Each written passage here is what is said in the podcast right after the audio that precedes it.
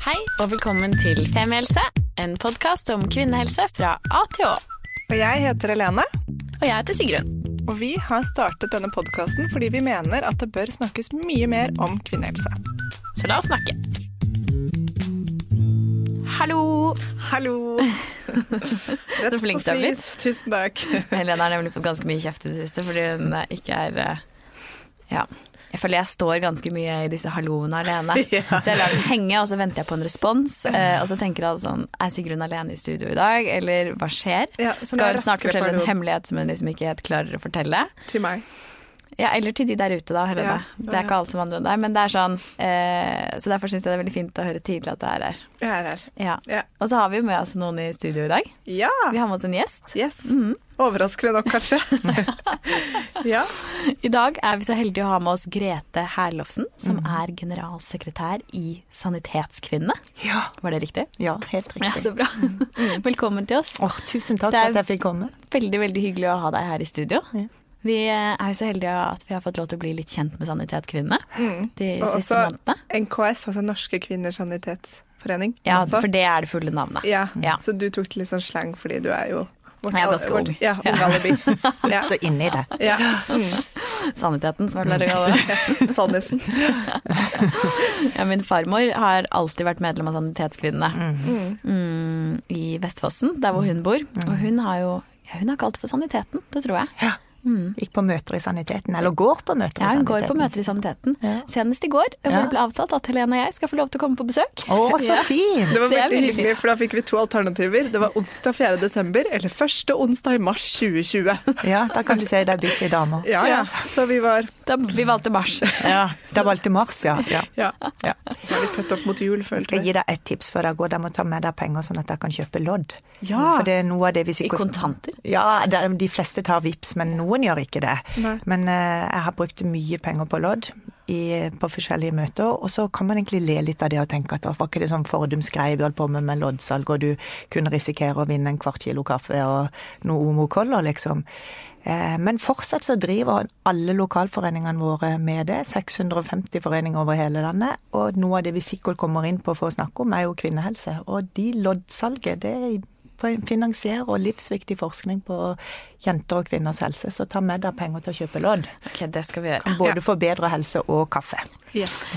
For- Den er god. Det, noe av det vi har funnet ut eh, når vi har blitt kjent med dere, er jo egentlig det at eh, vi ønsker å gjøre veldig mye av de samme tingene. Altså å jobbe for selvfølgelig kvinners rettigheter, og for likestilling, og for kvinnehelse, og for mer oppmerksomhet rundt kvinner og kvinnehelse. Så kan ikke du kanskje begynne med å fortelle litt om hva er egentlig Sanitetskvinnene? Ja, Jeg må bruke bitte grann tid på det, fordi det er jo en av Norges eldste organisasjoner. Vi er eh, nå Norges største kvinneorganisasjon, har vært i Norge i 123 år. Ble etablert i 1896 av en av datidens egentlig superstjerner, Fredrikke Marie Kvam, som var en av fire damer i Norge på det tidspunktet som jobba fram allmenn stemmerett. Um, hun hadde en drøm helt fra hun var liten om at hun skulle få lov til å kunne gjøre det samme som gutter gjorde, og hennes største drøm i livet var å forsvare landet sitt. Så vi har eh, sitater fra når hun var seks år, hadde eh, en barnepike der hun bodde, som sa til hun skjønte at Fredrikke var en smart jente, så hun sa til henne at du må bli sånn at du, de får ære av deg, forstår du det, Fredrikke? Og da sier Fredrikke noe sånn som ja, men jeg kan jo ikke gå i krigen, eh, så jeg vet ikke hvordan jeg skal bruke det.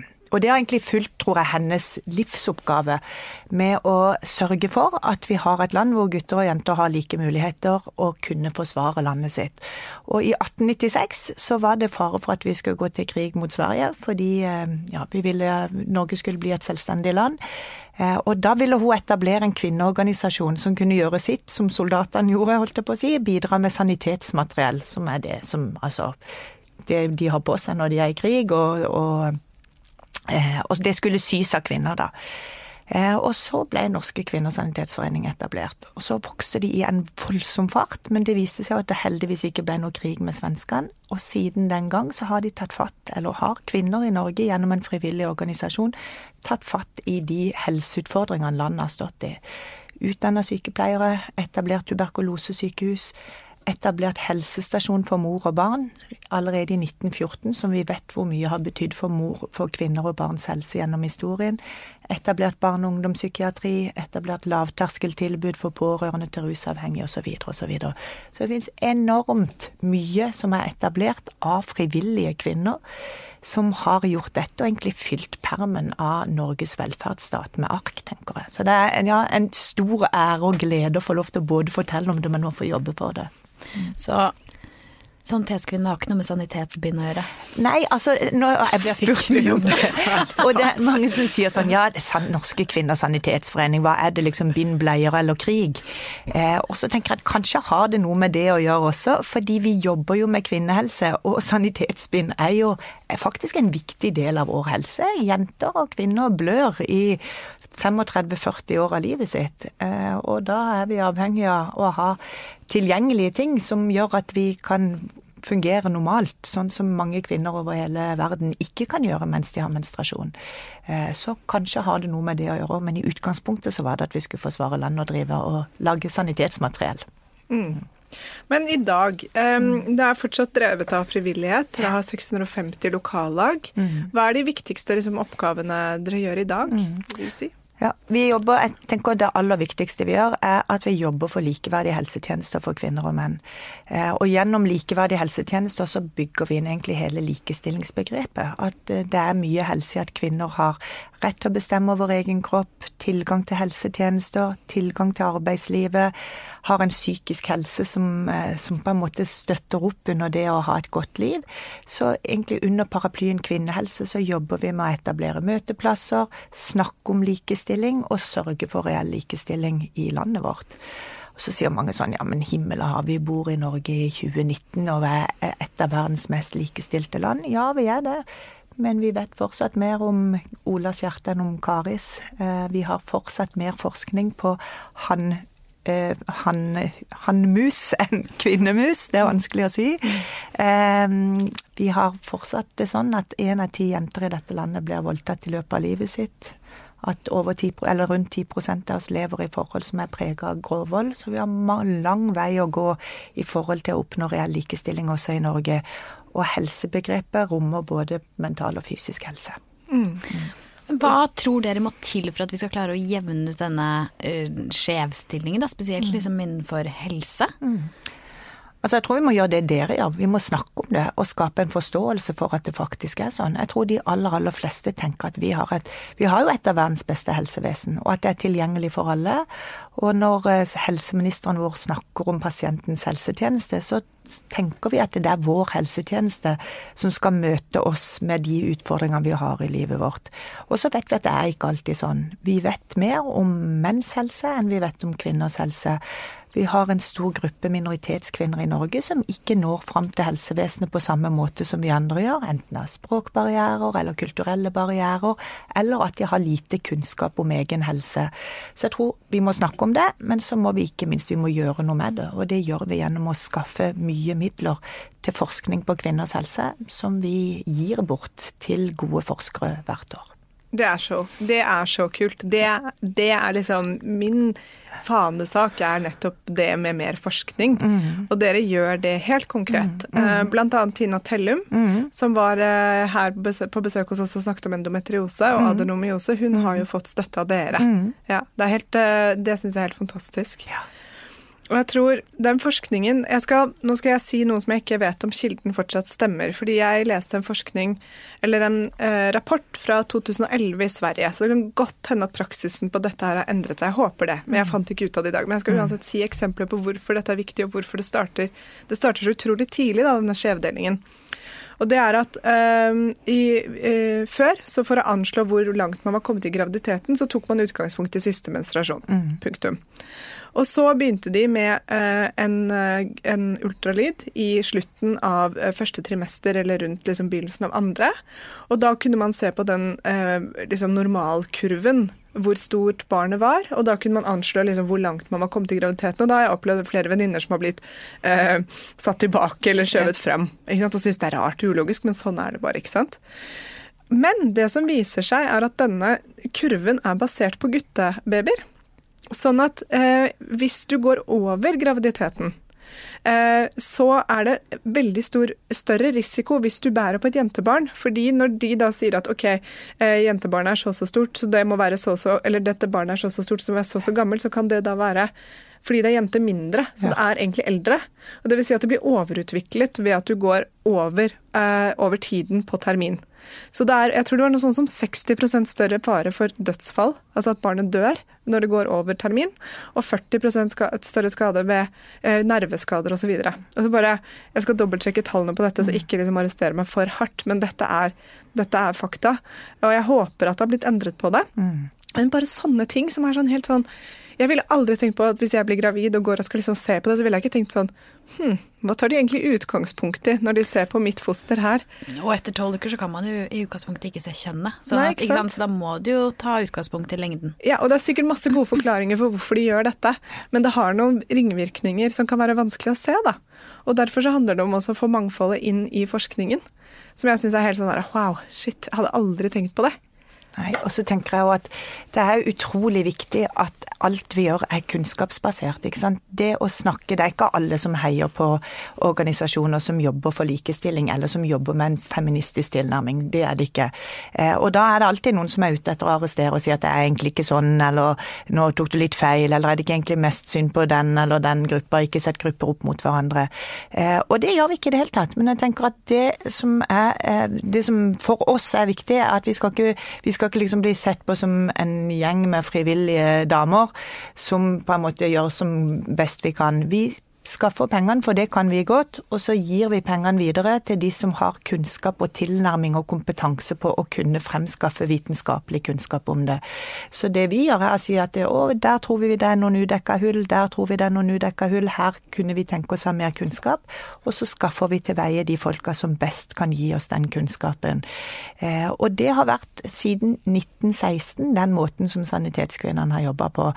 Da var det en professor på, på Haukeland i Bergen som kom til Sanitetskvinnenes landsmøte i det som da heter Kristiania. Jeg syns det er så kult, altså. Det var masse damer som satt i en sal. Og så gikk han på talerstolen og så sa han damer, nå er det 500 med kreft i Kristiania. Hva har dere tenkt å gjøre med det?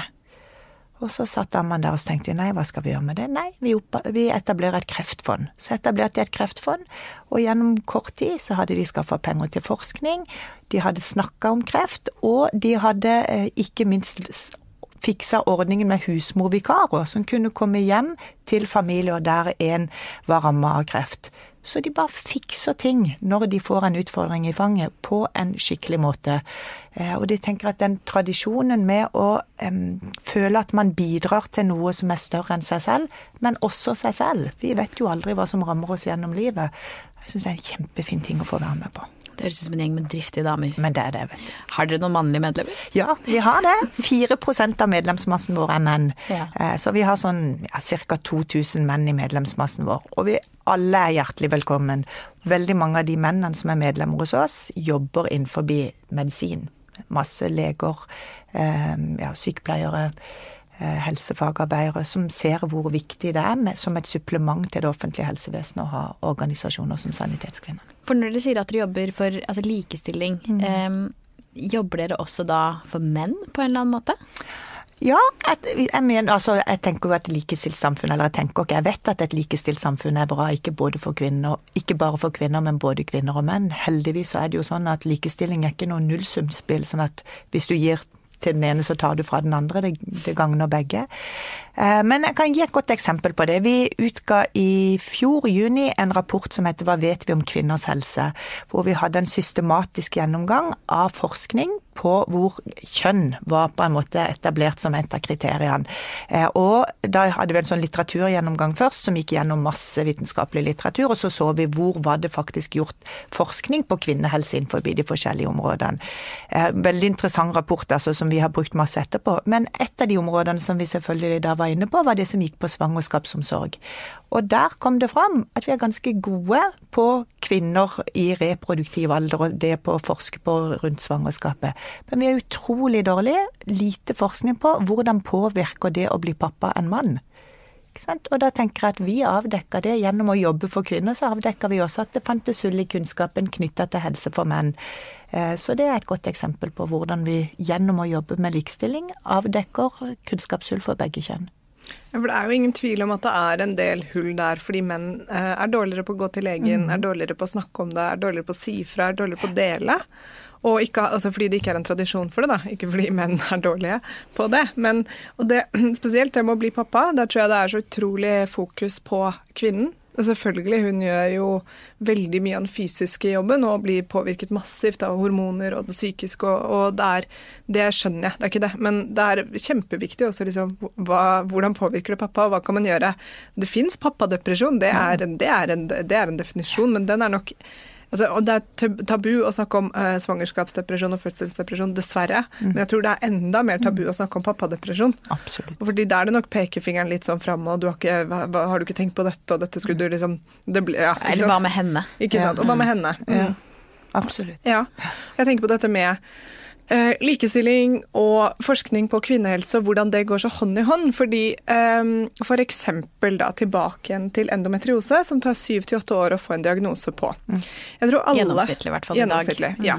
Um, ja, selvfølgelig. Det går jo fort for noen, og det skjer aldri for den andre, dessverre. Men, uh, og jeg tror alle som er rundt en de er glad i med endometriose, ønsker jo selvfølgelig at den diagnosen og det skulle vært funnet ut av veldig mye før og veldig mye raskere.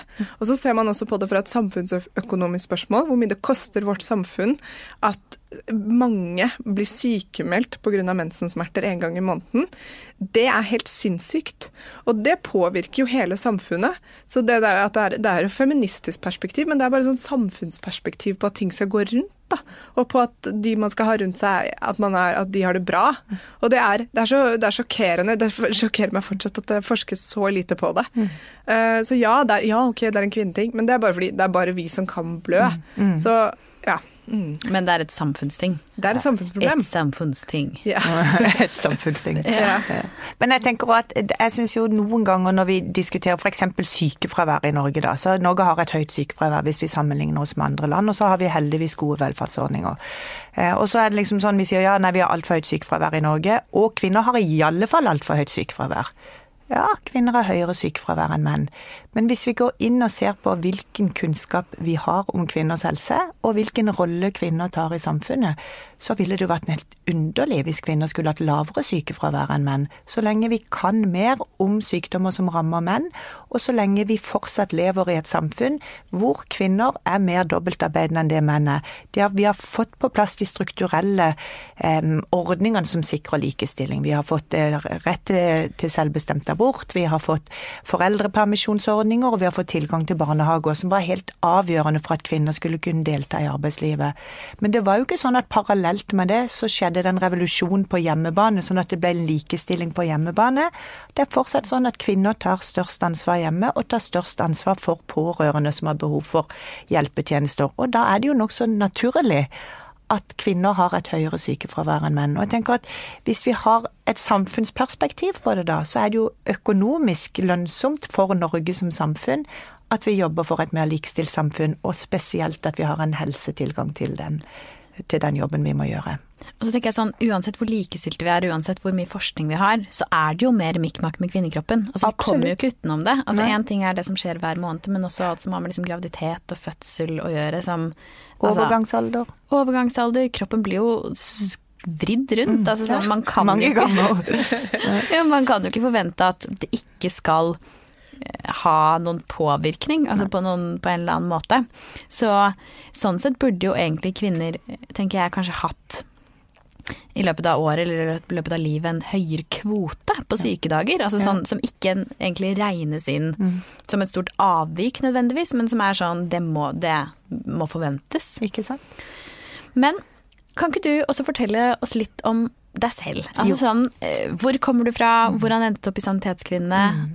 Jo, det kan Har du alltid hatt et brennende engasjement for eh, kvinner og kvinners helse? Nei, ja, nja. Jeg vet egentlig ikke Jeg kommer fra Kristiansand, det kan du kanskje høre på dialekta. Flytta til Oslo når jeg var 19 år. Vokste opp i en familie hvor vi var fire søsken. En storesøster, en lillesøster og en lillebror. I et sånn helt vanlig 70-tallshjem. Når jeg tenker tilbake, så hvis du ser liksom for deg den der bildet når det ligger fire barn og skal dele en brus som skal være lik i alle glassene, så jeg tenker tilbake på at jeg tror jeg brukte utrolig mye tid i oppveksten på å passe på at vi fikk lik brus i glasset. Ja, vi også. Ja, ikke sant? Og da har jeg tenkt på hvorfor gjorde jeg det? Jo, jeg tror for meg så var Jeg kunne finne meg i veldig mye hvis det bare virka framsto som rettferdig. Og så har jeg jo skjønt da, for meg så var rettferdig at det var likt. I ettertid så er ikke rettferdighet nødvendigvis at det skal være likt, men jeg tror rettferdigheten er noe som på en måte er veldig dypt i meg. Men så flytta jeg til Oslo, begynte på BI, tenkte at jeg skulle jobbe med stresskoffert og drakt og være med i finansserien Exit. Det ble ikke sånn. Heldigvis. Aldri for jeg tror nå har jeg mindre lyst enn noen gang.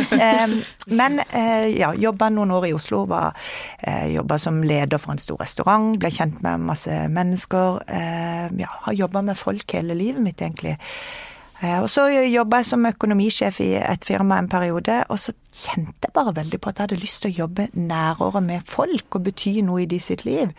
Eh, da jobba jeg i et firma som solgte is, og det er kjempefint, og det er viktig for mange i livet sitt. Men liksom, vi rapporterte til Tyskland, og det var mye regneark og alt sånt. Så søkte jeg en jobb i Røde Kors, og så fikk jeg den. Og da var det akkurat som det, hvorfor skjønte jeg ikke før nå at det var dette jeg skulle jobbe med? Så jeg jobba i Røde Kors i 16 år, og gjorde egentlig alt det man kan gjøre i Røde Kors. Eh, og i de siste fem åra så leda jeg det nasjonale arbeidet til Røde Kors fra hovedkontoret. Og så da tenkte jeg, nå hadde jeg jobba der i 16 år, at jeg liksom jeg, jeg elsker det stedet, men jeg tenkte jeg kan ikke bare gjøre dette. Jeg kan ikke være en av de som sier sånn ja, nei, så jobba jeg 40 år i Røde Kors, jeg må prøve noe annet. Ja, og det var ikke fordi at jeg ikke likte den organisasjonen lenger, men fordi at jeg følte veldig på at jeg måtte prøve noe annet. Og så fikk jeg jobb som generalsekretær for Norske Kvinners Sanitetsforening. Og da jeg gikk fra Røde Kors, så tenkte jeg det ble jo aldri så gøy som det det var her, men nå skal jeg gi noe annet en sjanse også. Og så må jeg bare si at det er helt det er så utrolig gøy å bli kjent med den organisasjonen. Jeg blir imponert hver eneste dag, og jeg blir glad hver eneste dag for at jeg får lov til å bruke livet mitt på det. For det er jo både en jobb, men også en jobb som du har i helger og ferier og alle andre, alle andre tider i døgnet og livet. Men det har jo alle de frivillige som er en del av organisasjonen vår også. Så jeg syns det der brennende engasjementet er fantastisk. Og så har jeg lært utrolig mye om likestilling og kvinner som jeg ikke kunne like godt fra før av. Har du fått noen hjerteprosjekter? Ja, Hvis det er lov å spørre om? Ja, jeg har et hjerteprosjekt, det må jeg si. Vi um, bruker bitte grann tid på å forklare bakgrunnen på det, men jeg skulle begynne å jobbe 1.12.2014. Og 25.11 er FNs dag mot vold mot kvinner. Eh, og da har Sanitetskvinnene hvert år et nasjonalt arrangement sammen med noen partnere. Eh, og så ble jeg invitert på det arrangementet. Eh, og da sto det en dame på scenen som var voldsutsatt, og så fortalte hun om hvor mange ganger hun hadde vært på krisesenter og flytta tilbake til mannen sin. Og så fortalte hun også hvor mange ganger hun hadde vært i kontakt med helsevesenet, med barnehagen, med barnevernet, og ingen spurte henne hvorfor hun hadde det så vanskelig som hun hadde det. Og så sto hun på scenen og sa det at um, det kan sikkert virke for dere rart at jeg flytter tilbake til en mann som jeg vet er voldelig mot meg, men for meg er det lettere enn å leve livet helt alene. Fordi når du flytter ut fra krisesenter, så må du bryte med familien din, ofte med vennekretsen din, flytte til et annet sted, ta ansvar for barn, økonomi, alle ting som du aldri har hatt et forhold til eller hatt ansvar for selv, fordi at du har levd i et kontrollerende forhold. Så da fant jeg ut at dette går jo an å gjøre noe med. Frivillige. Du kan jo være en venn for den som flytter ut fra krisesenter. Så nå har vi etablert en aktivitet som heter Ressursvenn, som hjelper damer når de flytter ut fra krisesenter, til å eh, mestre og orke livet alene det første året etter de flytter ut. Og det som er så fantastisk fint, da nå er det nærmere 100 damer som har fått en sånn støtte, og vi vet om to som har flytta tilbake til overgriper. Og det syns jeg er helt fantastisk. Jeg blir helt rørt bare jeg snakker om det. For det betyr en forskjell for de damene som kan ta vare på seg selv og barna sine i en så krevende situasjon. Herregud, så fint. Mm. Så fint. Men det er jo damene som har gjort. Jeg hadde ideen, og så sa jeg skal vi prøve å få til dette. Så bare vops, så ordner eh, lokalforeningene det og får frivillige til å komme. Kobler seg opp mot krisesenteret, setter opp løsninger, lager opplæringsprogram. Ja. Altså, Men hvordan blir man sånn ressursvenn? Man melder seg på til en lokalforening som har aktiviteten. Så enten så kan man ta kontakt med oss i sekretariatet og spørre. Hvis ikke så kan man f.eks. Oslo sanitetsforening har, eh, ja, hva har de utdanna, en 85 ulike ressursvenner. Kurser de først, og kobler de med Oslo krisesenter etterpå. Og de har kurs jeg tror tre ganger i året for de som ønsker å være frivillige. Og de utlyser det enten på sine egne nettsider eller på den portalen som heter frivillig.no, som du kan gå inn og se på hvis du ønsker å engasjere deg i et lokalsamfunn, eller for Sanitetskvinnene, hva finnes av aktiviteter. Altså, det er så fint. Og eh, her skal jeg komme med en liten oppfordring til alle som hører på. Eh, jeg kaster ut rundt meg i dag med forskning jeg ikke husker hvor jeg har lest. Men jeg har i hvert fall lest Beste type forskning. Er det ikke det? Det er veldig deilig når du slipper de kildegreiene. Men jeg, dette har jeg lest flere steder, og dere er sikkert ikke uenig med meg, men at det å være eh, frivillig er en ting man blir lykkelig av. Ja, helt og det er bevist at hvis man gjør noe for andre som du ikke nødvendigvis liksom får penger for eller får heder og ære for, så blir man lykkeligere. Mm. Uh, og selvfølgelig kan du skryte av det sånn at folk tenker at du er en bedre person og alt det der. Det kan man jo virkelig gjøre. Men jeg syns at uh, det er en oppfordring. Jeg har vært frivillig før selv i Røde Kors, og det ga meg masse. Og det å finne tiden til det er ikke alltid så lett, men det der høres ut som noe eh, man kan finne tid til. Fordi det handler om å, å faktisk få en til venn inn i livet. Absolutt. Som man blir mm. venninne med, og, mm. og, bidrar det man kan med. Mm. Dere har jo veldig mange andre måter å bidra på også. Jeg tenker, Absolutt. hele, i hvert fall sånn som jeg forstår det, så jo, handler jo egentlig hele deres organisasjon om engasjement satt i system på en eller annen mm. måte, og mm. hvordan det kan utgjøre fantastiske, store krefter. Det er jo sykt kult, så ja. Mm. Det finnes sikkert informasjon på nettsiden deres. Masse. Ja, hvis det finnes masse informasjon. Til å være med på et eller annet. Ja. ja. Jeg må bare spørre. Nå, dere støtter jo da mange forskningsprosjekter. Er det noen eh, prosjekter som pågår nå, eller som akkurat er ferdigsluttet, som du syns er ekstra spennende? Ja, jeg skal fortelle om et som er akkurat ferdigslutta. Nora Johansen, som eh, er, har disputert på Sørlandet sykehus i Arendal. Hun disputerte i juni, hvis ikke jeg husker feil. Hun har altså forska på det som Angelica Jolie har gjort kjent for verden, nemlig at hun har fjerna friske organer for å unngå arvelig kreft bryst og, og eggstokker. Eh, og det Nora Johansen forska på, var finnes det noen måte Da kommer du rett i overgangsalderen etter eh, du har fjerna eggstokker. Eh, og da, Det Nora Johansen ville forske på, var finnes det noen måte som gjør at kvinner får det bedre etter de har valgt å ta denne operasjonen. Og det gjorde hun forskning på på eh, flere som fjerner organer frivillig pga. frykt for arvelig kreft, og har funnet ut at de kvinnene som blir tilbudt hormonbehandling rett etter operasjon, får et mye bedre liv etterpå. Så var hun og fortalte om det. Så sa men hvorfor er ikke det bare en selvfølge da at alle får det? Så sier hun nei, dessverre så har det vært sånn at vi har trodd at hormonbehandling kan være en fare for at du faktisk får kreft. Alle vi har lært at du måtte ikke gå på p-piller for du kunne få både det ene og det andre og det tredje. ikke sant? Så det å tilføre kroppen hormoner har vi vært sett på som litt sånn det skal vi ikke gjøre, naturen skal gå sin gang. Og for det andre så sa hun så er det ikke alle leger som kjenner til forskning. Og så tenker jeg at dette er jo en enkel greie. Det kan gjøre et liv bedre den, de hormonene finnes på markedet. Det er egentlig bare å vite hvordan skal jeg etterbehandle en kvinne som har valgt å gå gjennom en så omfattende operasjon som det faktisk er. Og da tenker jeg at vi har et stort ansvar for å få ut den kunnskapen som vi fremskaffer også, og det jobber vi mye med. Hvordan skal vi få, ja, hvordan skal vi få kunnskapen ut blant de som er behandlere? Både de som du på en måte møter i helsevesenet, men også deg selv, så du kan ta opplyste valg om din egen helse. Ehm, ja, så det er et av de viktige prosjektene som jeg har tenkt på. Ja, dette er musikk i våre ører. Ja. Hun må jo komme på besøk til oss. Ja, snart. Ja, men det bør hun gjøre. Og Nora er så flink, det er så gøy å høre på henne. Okay. Okay. Nora, hvis du hører oss, altså. ring meg. Uh, ut i kveld, da.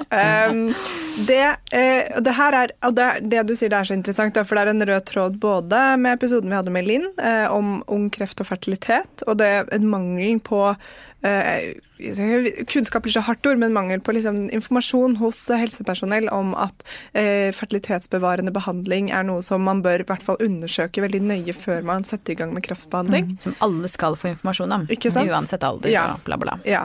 Og uh, det samme med dette. Du mm. velger å fjerne friske organer, mm. og det påvirker hele systemet. Mm. Og så har vi også spilt inn en episode som Det er mulig at den er sluppet når, den, når du hører på dette, men det er i hvert fall om livmorhulekreft, mm. Som rammer stammer 4 av alle kvinner over 67. Uh, og det, det, behandles egentlig ved at man fjerner livmoren. Men det i seg selv er ikke det samme problemet, for da er du, du, er, du er allerede godt over overgangsalderen. Men det kan påvirke psykisk. Og det har man gjort forskning på, at kan, man kan få en skikkelig psykisk knekk etter det. Så denne behandlingen er Og det er en rød tråd der at det er liksom sånn Det er ikke bare å fjerne, og så er det greit. Det påvirker jo hele systemet, både fysisk og psykisk. Mm. Det er kjempefint at det forskes på, og så viktig, da. Ja. Mm. Og litt sånn tabu, ikke sant. Fordi mm. det, er, det, er, både det med å miste liksom, fertiliteten eller føle seg mindre kvinnelig som kan være vanskelig å prate om, da. Eller Absolutt. anerkjenne og kjenne på. Ja. Mm. Ja, nei, jeg, jeg, tenker noen ganger at hvis det, vi snakka litt om det når vi traff hverandre, at hvis det er én ting som liksom vi må jobbe mer med, så er det at vi skal snakke om de tingene som, som vi som samfunn liksom har bestemt oss for at dette er litt flaut eller stigmatiserende, og vi skal liksom hviske litt om det på kjøkkenet når vi bare er jenter sammen. Og så er det helseutfordringer som rammer 50% av befolkningen. og jeg, Dette er, finnes, dette er overhodet ikke forskningsbasert det jeg sier nå, men jeg opplever at det er lettere å prate om prostatakreft enn visse krefttyper som rammer kvinner i reproduktive organer, og hva, hvilken effekt det har på kvinnelig seksualitet versus mannlig seksualitet. Fordi vi skal liksom ikke snakke om de tingene som, ja, som tidligere har vært tabubelagt, og vi må jobbe masse. Derfor er jeg utrolig imponert over at dere greier å lage en podkast som kan snakke om disse tingene på en sånn avvæpnende måte, og så viser det seg jo at det er masse mennesker som er interessert i å lære mer om det.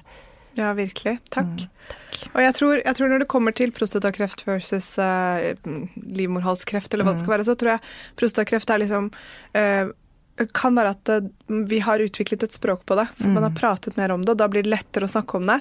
Selv om jeg tror nok at det med altså, erektil dysfunksjon, eller at man som ikke får, greier å få den opp mer, er nok mm. veldig vanskelig for menn å snakke om.